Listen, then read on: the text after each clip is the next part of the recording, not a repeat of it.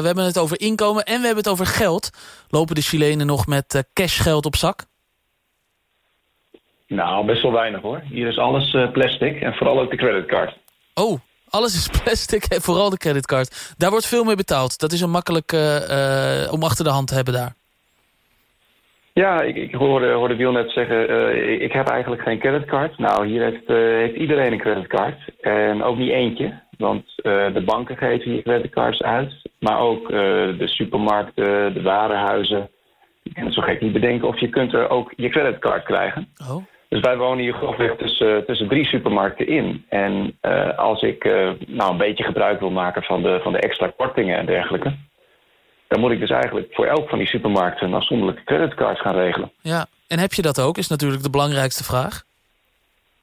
Nee, ik ben er dan toch weer te Nederland in. En uh, ja, daarbuiten, ik uh, heb überhaupt, ik ben al blij dat ik een bankrekening heb.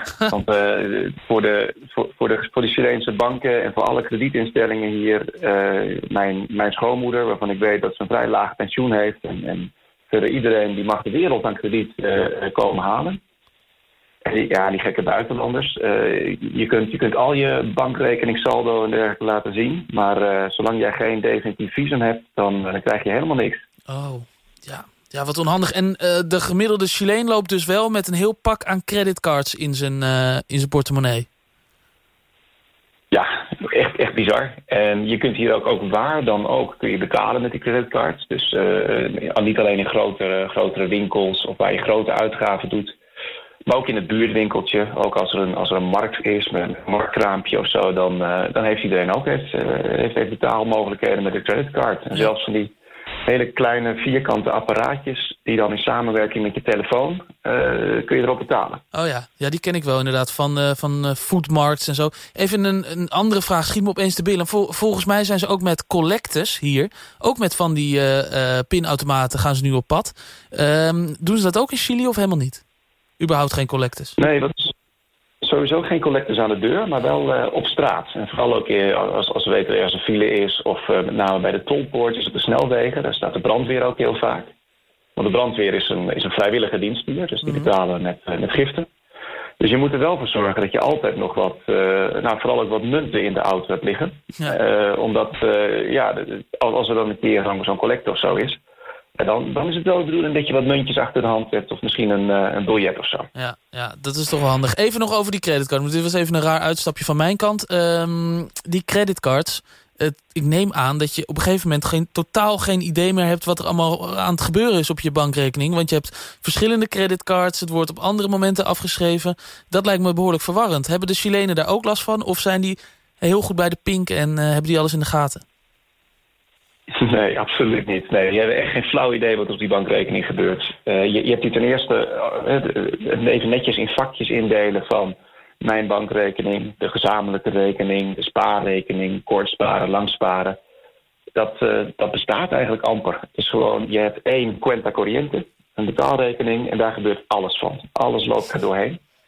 En ja, wat je dan ook nog hebt, hier bieden een heleboel winkels bieden, uh, het betalen in, in tres dus de, de drie termijnen aan. Dus dan kun je in drie maandelijkse termijnen kun je een jas, een paar schoenen, maar ook gewoon je boodschappen of, uh, of, of, twee bier, kun je in, uh, in tres betalen.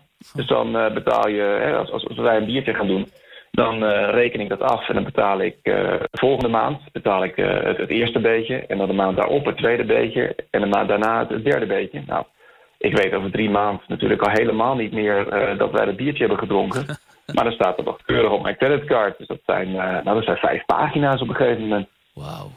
Ja, en hoe zit dat met... Uh, in, in Chili hebben ze ook een, een, peso, toch? Hoe, hoe zit dat met die waarde daarvan? Maakt dat het uh, nog ingewikkelder? Nou ja, voor mij wel in ieder geval. Want ik, ik hoorde net, volgens mij is het bij Niels rond de, de, de 1500 fiat voor een euro. Nou, wij hebben hier 750 pesos in 1 euro.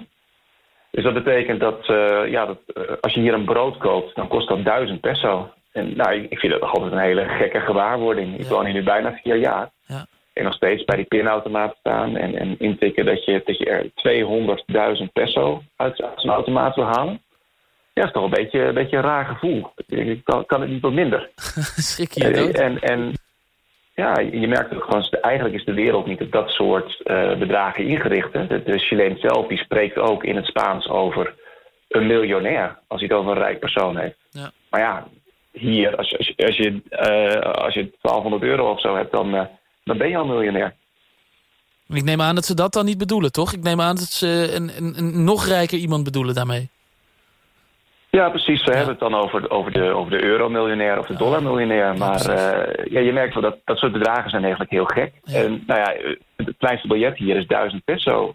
Het lijkt ook een beetje op, uh, op de euro qua grootte, qua kleuren. Dus ik heb regelmatig, als ik naar Nederland reis, heb ik dan nog een, een 1000 peso biljet achter in de portemonnee zitten. En dan zit je op het terras en dan zoek je even tussen de 20 uh, de 10 euro. En dan zit er nog een biljet van 1000 achter. Ja, dan zie je de serveerster toch even raar opkijken. Wat is dit nou weer? Ja, het is ook goed voor je imago, hoor ik al. Ja, ik, ik denk dat ik dat wel bewust blijf doen. Ja, ja heel slim. Ja, ja nog even, uh, uh, de Chilenen, um, steken die zich snel in schulden? Absoluut. Ja, als je, als je, als je 35 creditcards hebt... dan kun je natuurlijk op elke creditcard een mooie schuld opbouwen. En zeker met die drie termijnen. Mm -hmm. En de hele markt is daar ook op ingericht. Uh, je hebt hier uh, al allerlei reclamecampagnes uh, om, om dan echt kredieten aan te bieden. Dus ik, ik, kreeg laatst ook een mailtje, wat dan bij de rekening van mijn vrouw hoorde, over, over Moederdag. het mailtje houdt eigenlijk niet veel meer in dan, beste moeders, deze week is jullie week, bestel je krediet. Zo, even een kredietje voor Moederdag. Even een kredietje, even een beetje shoppen. En nou ja, aan het eind van de maand zien we wel weer wat de rekening is. Ja.